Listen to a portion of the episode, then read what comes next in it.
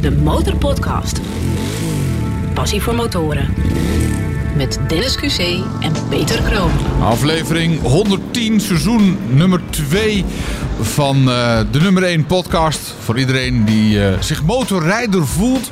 En voor een ieder die houdt van alles wat met motorrijden te maken heeft. En uh, dat doen we in dit geval vanaf Motorbeurs Utrecht. 50.000 vierkante meter motorpret. Het is eigenlijk één grote speeltuin, snoepwinkel of hoe je het ook noemen wil. Ja, nogal. Uh, heb je al wat gekocht, uh, Dennis? Nee, nog niet. Maar uh, dat gaat er wel van. Nou, ik ga geen motor kopen op deze beurs. Alhoewel. Als je er een koopt. Ja, als je ja. er een koopt en je bonnetje achterlaat, dan maak je kans dat de motorbeurs het aankoopbedrag voor jou gaat terugbetalen. Ja. En in de laatste aflevering die wij op zondagavond hier maken, ik eventjes het nummer ben ik even kwijt, maar daar gaan we met Miss Motorbeurs, Rachel Jankowski, die winnaar bekendmaken. En dan ben je dus eigenlijk de beurs afgegaan met een gratis motor. Ja, dat, dat zou zomaar kunnen gebeuren. Moeten we er wel even bij zeggen, als je dus nu op de beurs loopt of nog naar de beurs toe gaat, van plan bent om een motor te gaan kopen, zorg dan wel dat je in ieder geval uh, zondag tegen het eind van de middag bereikbaar bent. Want stel je voor dat we jouw nummer eruit halen en uh, ja, je bent er net even niet. Dan, uh... Ik zou je telefoon aanlaten, ook ja. als je naar het toilet gaat. Ja, bijvoorbeeld.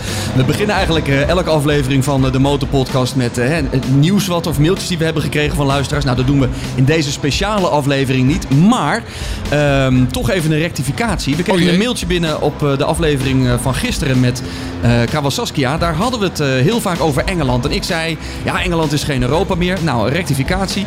Casper die mailte vanochtend, Jens, Engeland en Groot-Brittannië.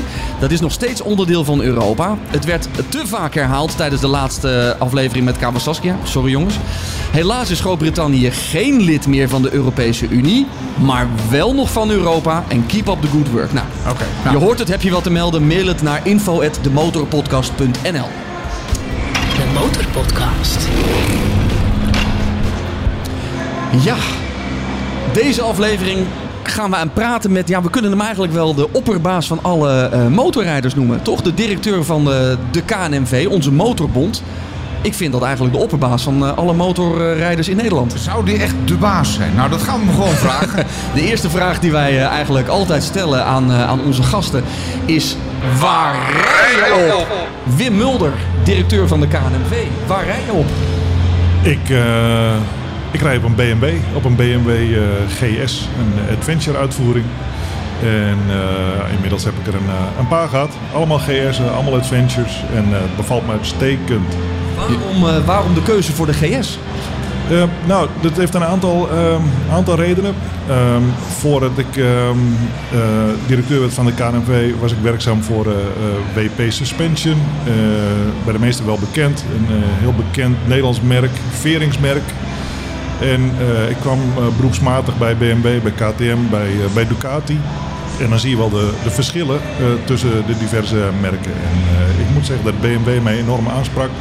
Maar uh, de andere praktische overweging is ook een hele simpele. Ik ben uh, twee meter uh, en ja, dan pas je heel lekker op een, op een GS Adventure. Je, je weet wat toch ook een klein beetje ja, de bijnaam is van de, de BMW GS. Hè? Dat hebben wij eigenlijk bedacht. Hè? De verstandige huisvader. Oh ja, ik heb het bedacht. Anders dan wordt Dennis ook weer bedreigd. het is toch een beetje de verstandige huisvadermotor. Hè? Vader gaat motorrijden en neemt dan een verstandige beslissing en kiest voor de BMW GS, want dan heeft hij het meeste waar voor zijn geld. Ja, ja. Ik, denk, ik denk dat het zeker zo is voor, uh, voor het overgrote deel. Ja, absoluut. Want ik heb ook wel eens begrepen dat, dat je eigenlijk toch gepassioneerder was voor een ander model. En dat heb je dan toch maar niet gekocht. Zeker, nee, dat, is absoluut waar. Ik ben uh, misschien wel leuk om te vertellen, opgegroeid in, uh, in de buurt van Assen. En uh, daar is ontzettend veel motorsport ook. het welbekende T-circuit host natuurlijk heel veel events. En als klein jochie ging ik daar naartoe. Um, en ja, dan pak je automatisch het motorvirus op. Dat is eigenlijk ook waar de passie voor, voor motoren en motorsport vandaan komt. En de allereerste motorfiets die ik van plan was om te kopen was een, in die tijd een Ducati uh, 916R. Dus dat was een sportieve fiets in die tijd. Um, ik heb daar ook op gezeten, maar het zag er gewoon niet uit. Het was geen, was geen gezicht. En Ah, het is- een motor, eh, motor voor, voor, ja, eh, die je koopt met passie. En niet met je verstand. Dus dat hoort toch eigenlijk een beetje bij motorrijden. Ja, klopt. Dat je, dat, je, dat je het gewoon koopt met een roze bril op. En dan, eh, net als Dennis en, eh, en ik, gewoon de fout maakt van... eh, het is mooi, het is leuk, we- doen het. Ja, niet, niet, te veel nadenken, gewoon doen. Ja, Oh, lekker op gevoel. Ja. Ja. Dan ben ik wel benieuwd, want verderop in de aflevering gaan we jou natuurlijk ook vragen... wat zou je doen met 100.000 euro voor je motorpassie? Of er dan toch nog een wellicht aangepaste supersport gaat komen. Misschien kan er wel wat met jouw lengte. We gaan het je straks, we gaan het je straks eh, vragen. Ehm, wat betekent motorpassie van jou? Wa- wa- wanneer is ooit die passie begonnen? Ja, die passie, eh, ik vertelde het net al even. ehm, ik ben opgegroeid in, in, de, in de buurt van Assen. En ehm, toen ik nog een jochie was van, ik denk 8, 9, 10 jaar... eh, stond ik in, de, in de week van het TT altijd bij het plaatselijke hotel handtekeningen te jagen. Want daar kwamen de top, de top of de top, die kwam daar naartoe. Dus dan heb je het over eh, Kenny Roberts eh, senior eh, en Will Hartog, wel bekend in Nederland. Johnny Secotto. Die handtekeningen heb ik allemaal nog steeds.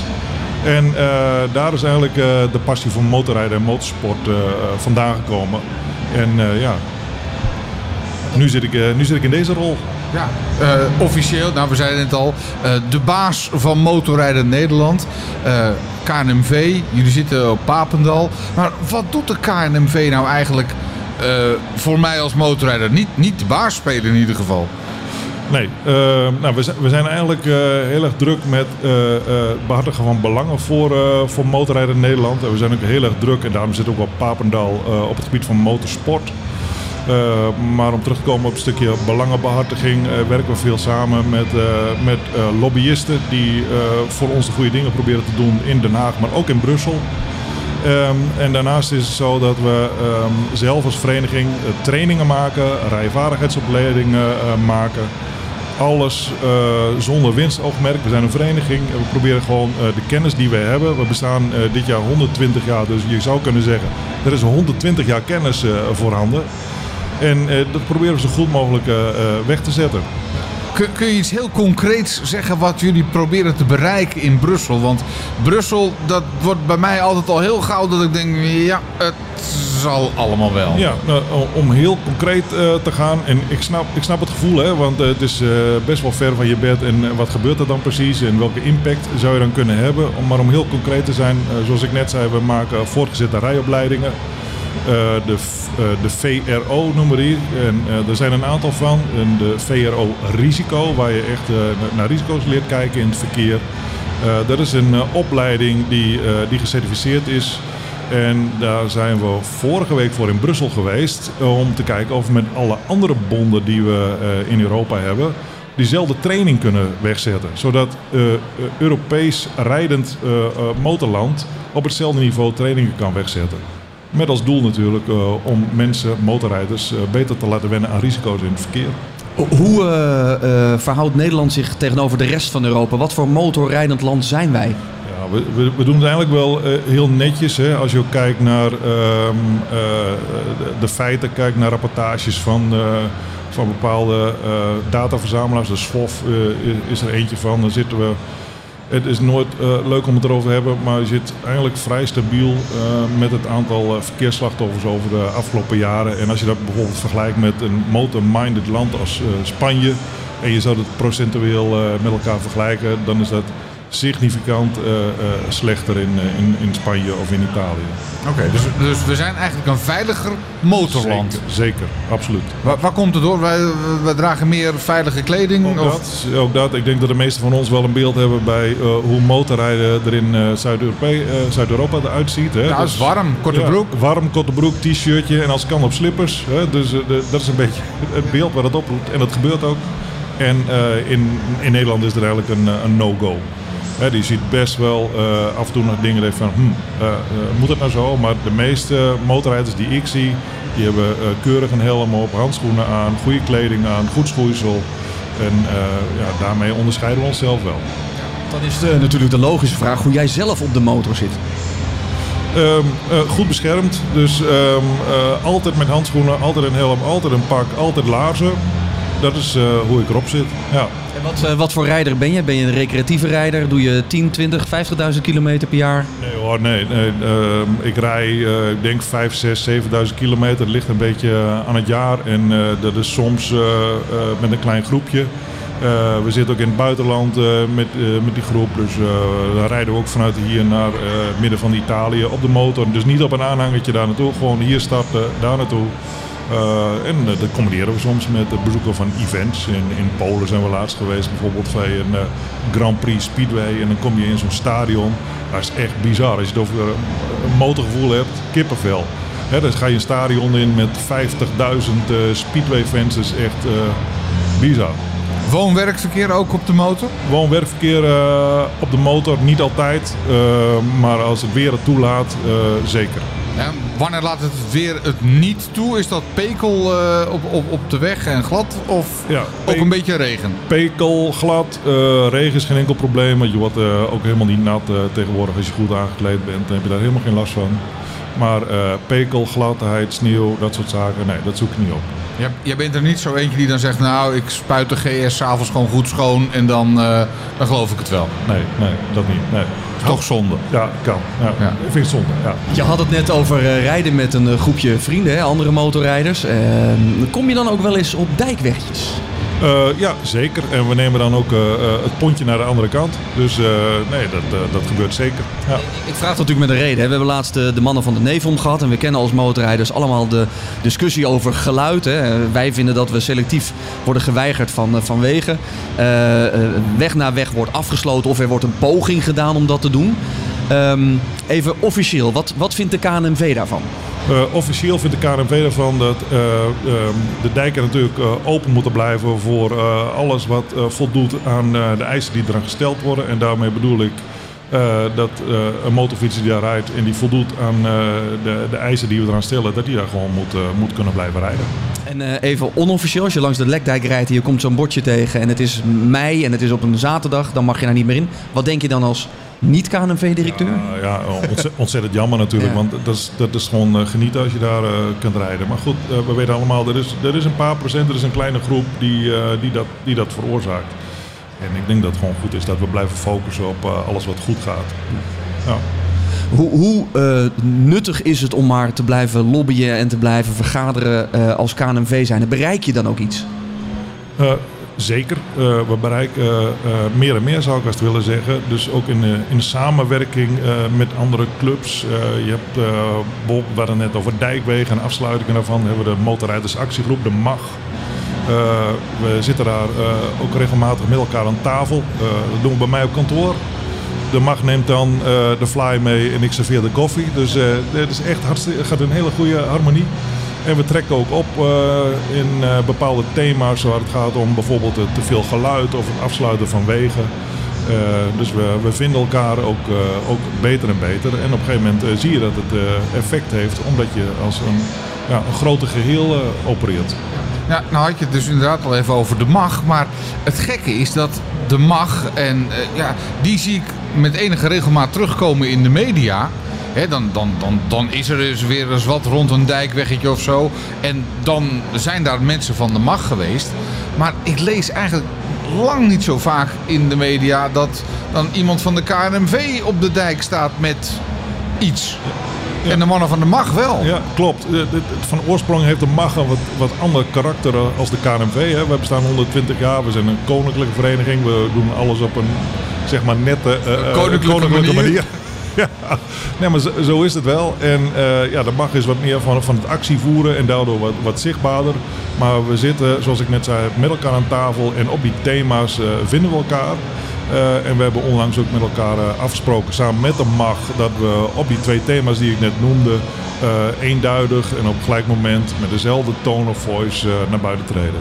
Oké, dus er komt echt een soort, soort, bijna een soort samenwerking. Eh, zou je kunnen zeggen op bepaalde thema's, ja. Dan toch even, wat maakt de KNMV dan koninklijk? Is er ooit eh, iemand uit het koninklijk huis geweest die ook motor reed? Of hoe werkt dat? Nou, ik, ik weet dat Willem-Alexander eh, een motorrijbewijs heeft. En, en, en, ja, zeker. En een hele mooie Harley heeft staan. Ja. Ach, kun je Ja. even voor ons lobby dat hij een keertje aanschuift Ja, ja, ja. bij de motorpodcast? Wij zijn allebei lid van de KNMV, dus regel dat even. Ja, nou, misschien, moet daar eens eh, naar kijken hoe we dat kunnen doen. Ja. Dat zou wel leuk zijn. Ja, leuk. Willem-Alexander aan tafel. Ja. eh, Nou, ik vind het mooi dat de, de samenwerking wordt gezocht. Hè. We hebben natuurlijk eh, warme banden en met jullie en met, eh, met de MAG. En de, de motorrijdersactiegroep is toch meer van hè, op de barricades. Jullie zijn wat meer van het, eh, het lobbyen en samen versterk je elkaar.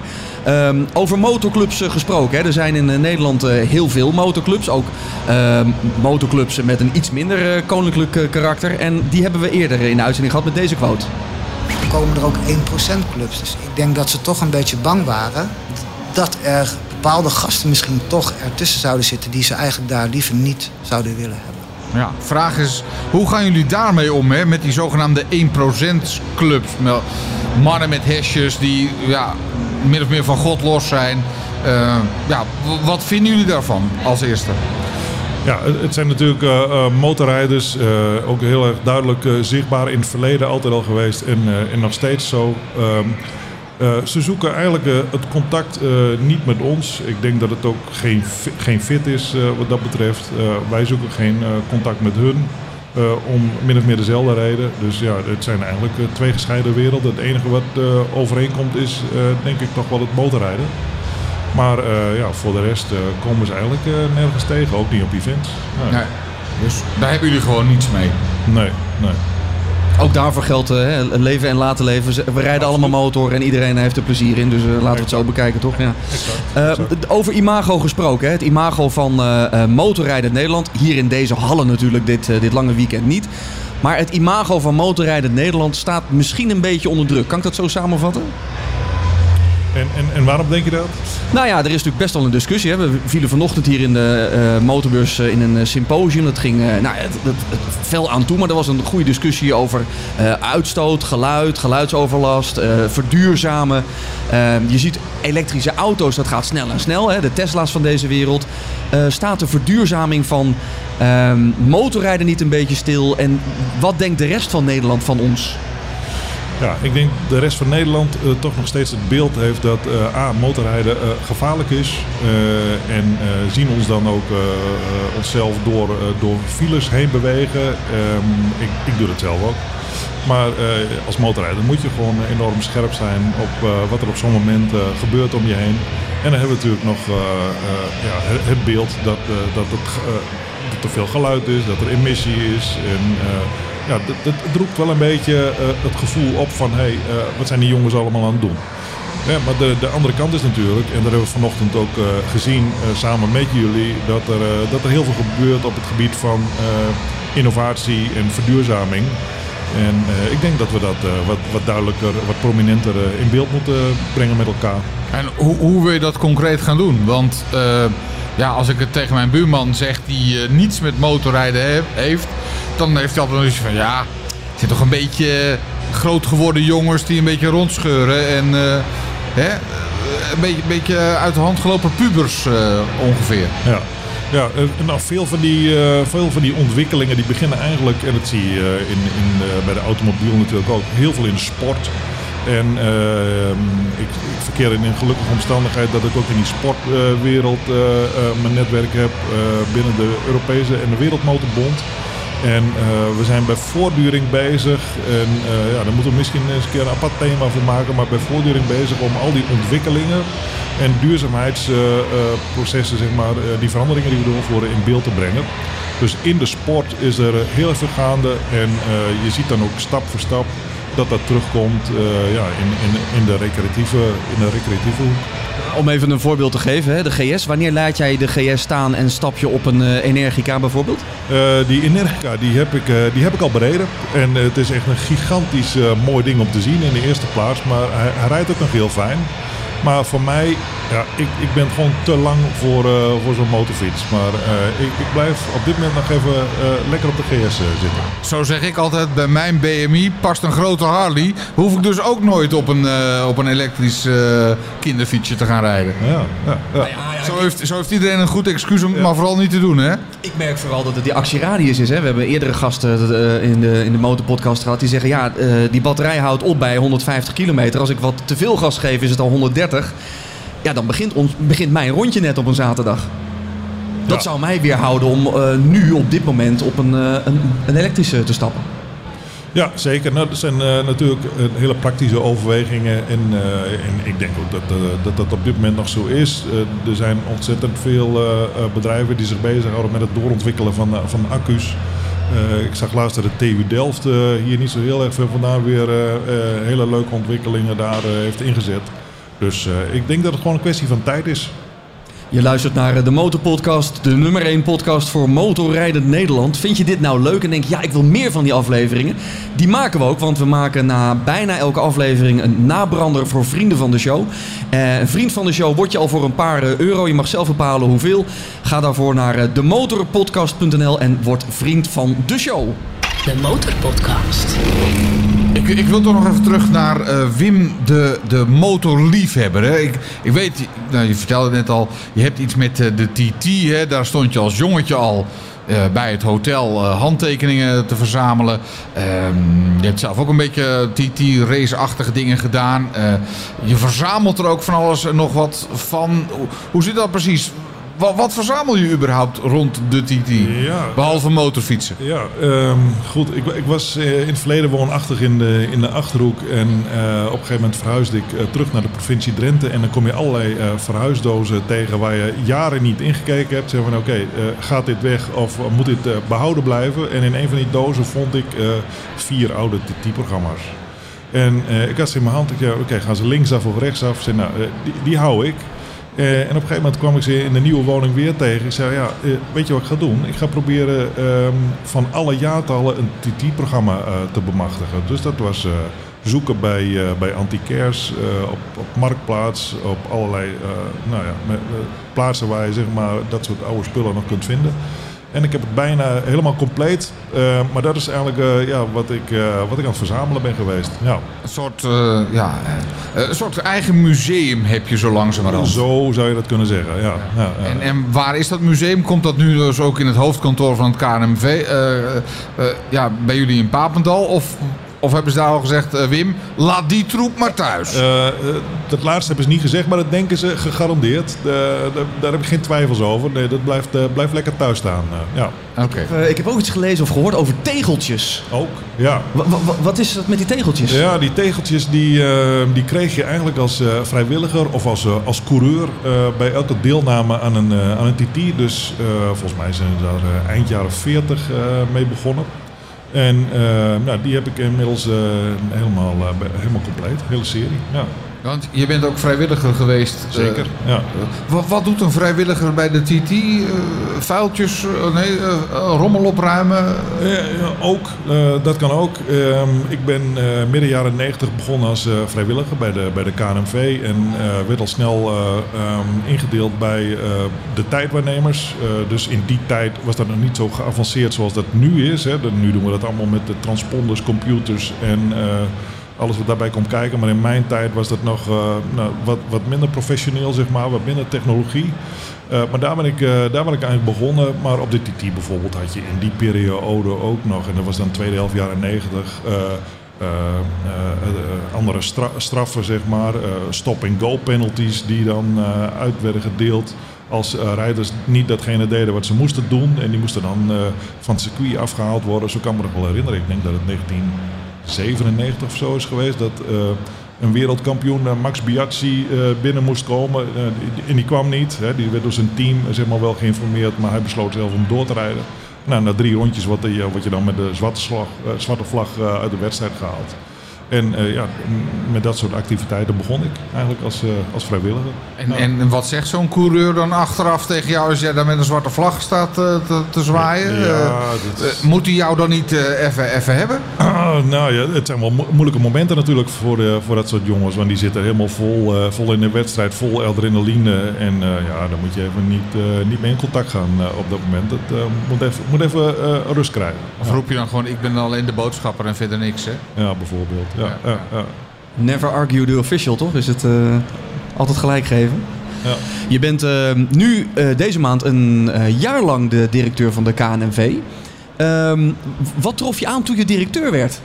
Behalve heel veel aardige mensen en een mooi kantoor op Papendal. We zijn er geweest op de koffie. Die was heerlijk. Zeker. Ja, die, die koffie is goed. Eh, een heel leuk kantoor, hele leuke eh, werkomgeving. En eh, ja, in die werkomgeving die, die triggert natuurlijk ook enorm veel mensen op het Olympisch Centrum. Hè. Het gaat daar alleen maar over winnen, winnen, winnen en topsport. Daarnaast hebben we natuurlijk ook gewoon het recreatieve motorrijden dat we bedienen met, met dezelfde groep mensen. Een, een eh, groep van eh, 25 man. eh, het overgrote deel eh, rijdt motor, is gepassioneerd, is gepassioneerd eh, zeg maar ook voor, eh, voor motorsport in zijn algemeenheid. En eh, ja, een fantastische club om mee bezig te zijn. En eh, natuurlijk zit je eh, altijd te kijken van hey, wat, wat kunnen we anders doen, wat kunnen we beter doen. Ik noemde net al de samenwerkingsverbanden die we aan het opzetten zijn met, eh, met MAG en eh, met andere partijen. Om uiteindelijk, eh, want dat is wat ik voor ogen heb, eh, de, de go-to organisatie te worden voor eh, motorrijders. Dus als iemand denkt aan motorrijden, dan moet hij eh, direct bij de KNV uitkomen. Ja, en toch lijkt dat op dit moment niet helemaal het geval te zijn. Is, is het nog wel een beetje van deze tijd om lid te zijn van een bond? Ik bedoel, je wordt ook niet meer lid van een omroep zoals vroeger eh, lid van, nou ja, noem maar op. Dat lijkt allemaal een beetje over te zijn, hè? Ja, ja zeer herkenbaar. En we, en we zien het ook. Hè. We horen dat ook als we met eh, mensen spreken. Van ja, eh, jezelf verenigen en dan een, een, een, Ja. een, een lidmaatschap. Waarom? Ja, waarom? Ho- hoezo? Hè? Dus ehm, eh, we hebben dat natuurlijk al ehm, enige jaren in beeld. En we hebben naast eh, ehm, zeg maar de KNMV een, een tweede merk eh, operationeel eh, staan. Die website heet motorrijders.nl. En daar bedienen we eigenlijk het, het jongere publiek op, een, op een hele andere manier als het traditionele verenigingsmodel. En eh, ja, we zien dat het gewoon eh, heel erg leuk wordt opgepakt. We maken hele leuke artikelen. Eh, mensen kijken er ook eens naar. Heel veel hele leuke content. En ja, we doen dat allemaal zonder winstoogmerk. En dat krijgen we ook heel vaak terug van de mensen die de, de website bezoeken. Zeggen, hey, fantastisch, dit is echt eerlijke, niet-commerciële content. Eerlijke, de, dus jullie doen ook onderzoeken, tests. En dan zou je ervan uit mogen gaan dat, dat het dus, ja, Maar ja, dat het in elk geval eh, ehm, gecommuniceerd wordt op een manier zoals wij het met elkaar eh, beleven. oké. Zonder winstoogmerk. Ja, je stipt het zelf aan. Het gaat eh, over geld. Ik denk dat het tijd is om eh, de 100.000 euro vraag te gaan stellen. Nogmaals, hij is fictief. De Motorpodcast. 100.000 euro voor je motorliefde. Wat ga jij ermee doen? Ja, Wim, naar welke stand hier op de motorbeurs ren je direct op het moment dat je een ton cash on hand hebt? Ja, een fan- fantastische vraag, maar natuurlijk heel erg lastig om, eh, om te beantwoorden.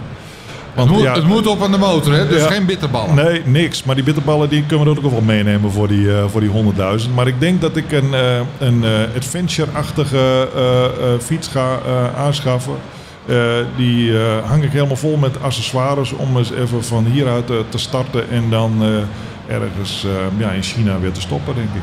Ja, Ah, toch zoiets. ja, ja. En, en wat, moet, er- wat moet er dan aan verbouwd worden? Hè? Want je, je zei het al, ik ben, ik ben een grote jongen. Twee meter en een beetje, geloof ik. Laat je hem dan nog iets meer verhogen? Andere suspension, eh, beter zadel? Ja, beter, eh, Noem maar op. Beter zadel, eh, ehm, eh, stuurverhogers, voetrust een stukje naar beneden. ehm, nou, goede communicatie erop. En, ehm, natuurlijk wat koffers of iets dergelijks om wat spullen mee te nemen. Maar ik heb toevallig net hier aan die kant van de beurs op een aantal van, van die stands staan te kijken. Dat is echt fantastisch. Ja. En, en, en waar zitten we dan ongeveer op? Want een, ik heb gisteren op een beetje een aardige adventure gezeten. 35 begon hij mee, 35k. Zeker. En dan nog wat aanpassingen. Nou, laten we zeggen een goede 10k om hem eens even lekker te laten verbouwen. 45 zitten we dan. Nog wat koffertjes. Eh, misschien richting de 50. Dan, dan- dan, heb je nog maar de helft op. Misschien is er dan toch nog iets anders hier op de beurs waarvan je bij jezelf denkt. Ah, ook leuk om te hebben.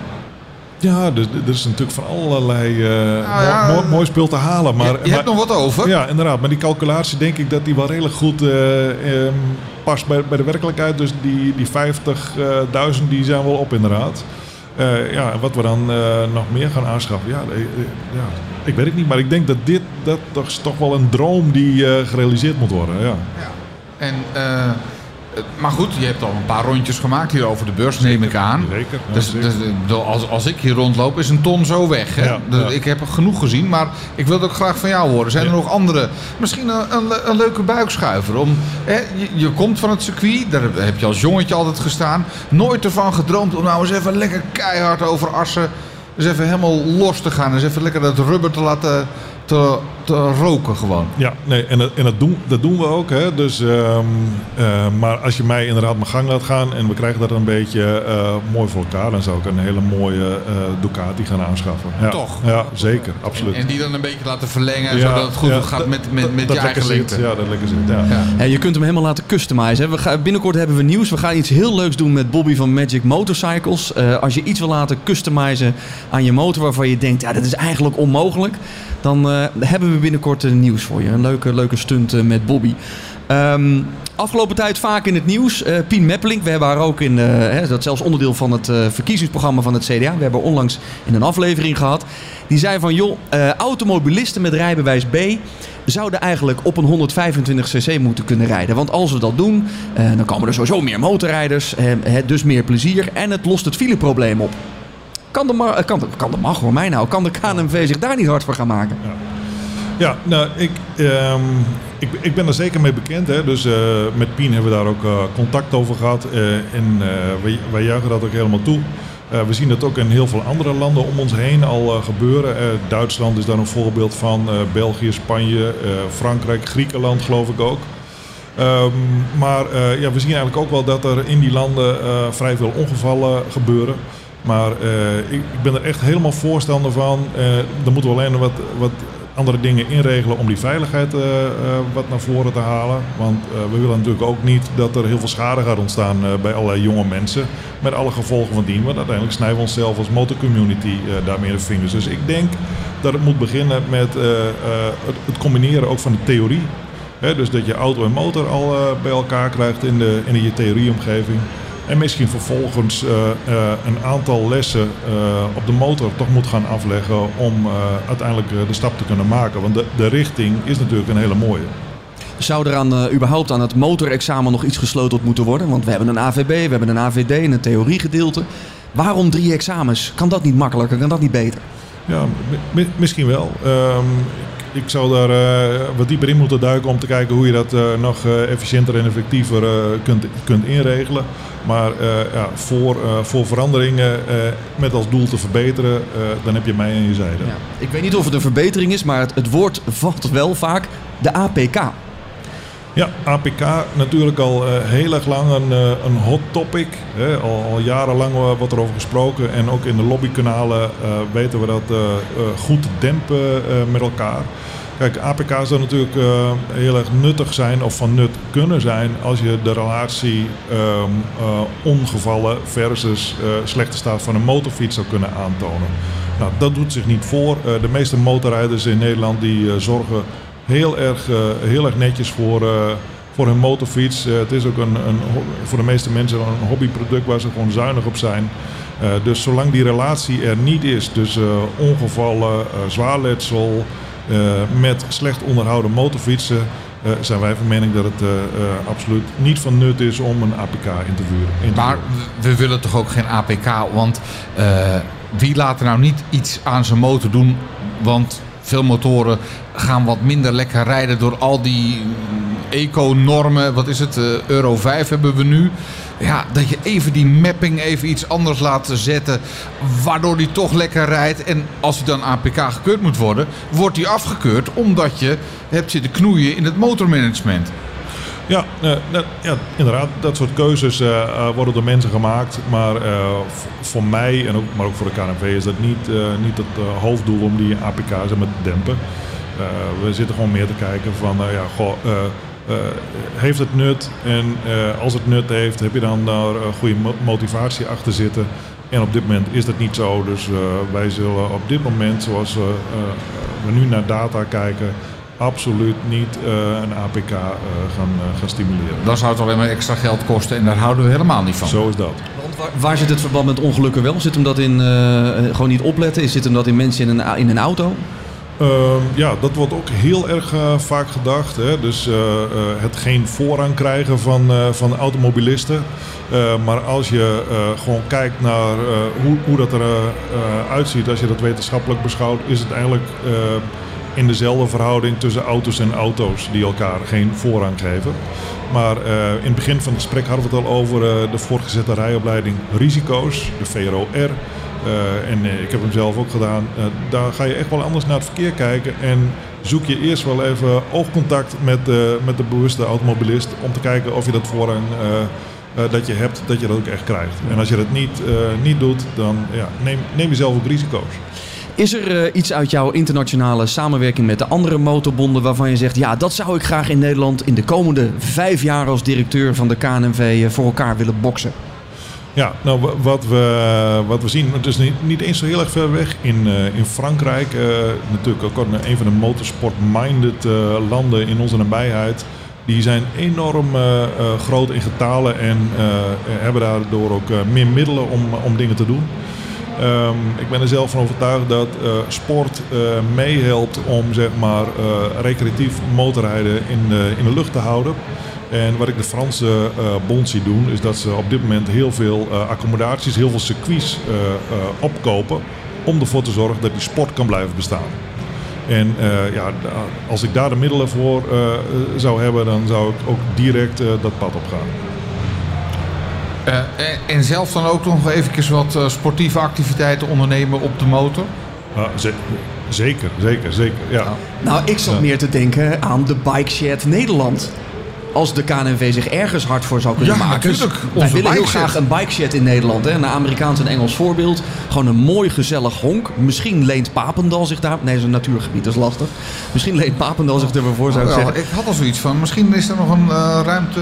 Oh, Is er een ruimte op Papendal? Nou, nou, maar dat is, dat is een heel, eh, heel leuk thema wat je nu aansnijdt. Want eh, we zijn ermee bezig geweest. eh, zoals jullie weten, we hadden ooit eh, het kantoor midden in Arnhem. Op Ja. een hele mooie locatie eh, naast de Park Sonsbeek.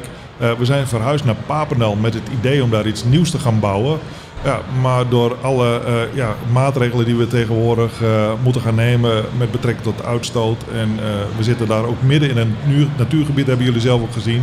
Maar het aanvankelijke plan was om datgene wat jullie nu voorstellen daar te gaan realiseren. Eh, lukt helaas niet. Ehm, eh, we zitten ook met een, een vrij linkse gemeente in, in Arnhem. Eh, helpt ook niet mee, maar eh, nieuwbouw en eh, een bike shed en een oefenterrein. Dat was ooit de, de opzet, ooit het plan. Lukt helaas niet op de locatie waar we nu zitten. Nou ja, bl- blijf de Motorpodcast volgen. Wij hebben binnenkort iemand hier aan tafel waar we er ook nog een keer over gaan praten met het horeca gedeelte. Maar ik zou er ook graag een keer met jou nog eens uitgebreid over praten. over de bike zit. Want even, wat zou er in ieder geval in moeten zitten? Eh, we hadden zelf al bedacht een barbecue, een horecagelegenheid, een oefenterrein. Heb je nog iets anders, Wim, waarvan je zegt... nou, dat moet er in ieder geval in, in de motor Efteling eh, komen? Nee, maar dit zijn, dit zijn exact eh, de, de topics die je daar wilt, eh, terug laten komen, wilt laten komen. Dat, dat is immers gewoon ja, waar mensen van genieten, wat ons, wat ons blij maakt, wat ons verbindt. Dus nee, helemaal eens. Nou ja, gen- genoeg wilde plannen. Moeten we zeker nog eens op terugkomen. Ja, graag. Hartstikke mooi, Wim. Eh, Leuk dat je een keer te gast was in een aflevering van eh, de Motor Podcast. Eh, we komen vast nog een keer langs op Papendal. Of, ofwel op jullie huidige kantoor. Of straks in die mooie nieuwe bike set. Ehm, leuk dat jullie luisterden naar een aflevering van de Motor Podcast. Mensen hier op Motorbus Utrecht. En je weet het inmiddels als je vaste luisteraar bent. Als je via Spotify luistert, eh, druk dan gewoon op het knopje volgen. Want dan krijg je automatisch een seintje bij de volgende aflevering. En daarin gaan we praten met 538 DJ Jordi Warners. Die hebben we eerder te gast gehad. En hij komt terug onder het motto Hoe is het nu met? Ik ben heel benieuwd, want eh, hij, is gevallen, hij is gevallen. eh, hij streamde live vanaf zijn eh, motor met video. En dan kon je met hem praten. En eh, nou, heel ingewikkeld. Ehm, hij is hardcore Yamaha-fan. Blijft hij dat altijd doen of gaat hij toch voor iets anders kiezen? Nou, kortom, genoeg vragen. En je weet het, als je nog meer wilt dan eh, de standaard afleveringen, dus de nabranders, dan kun je vriend van de show worden. En dat doe je weer op demotorpodcast.nl. De Motorpodcast. Gratis in je favoriete podcast app.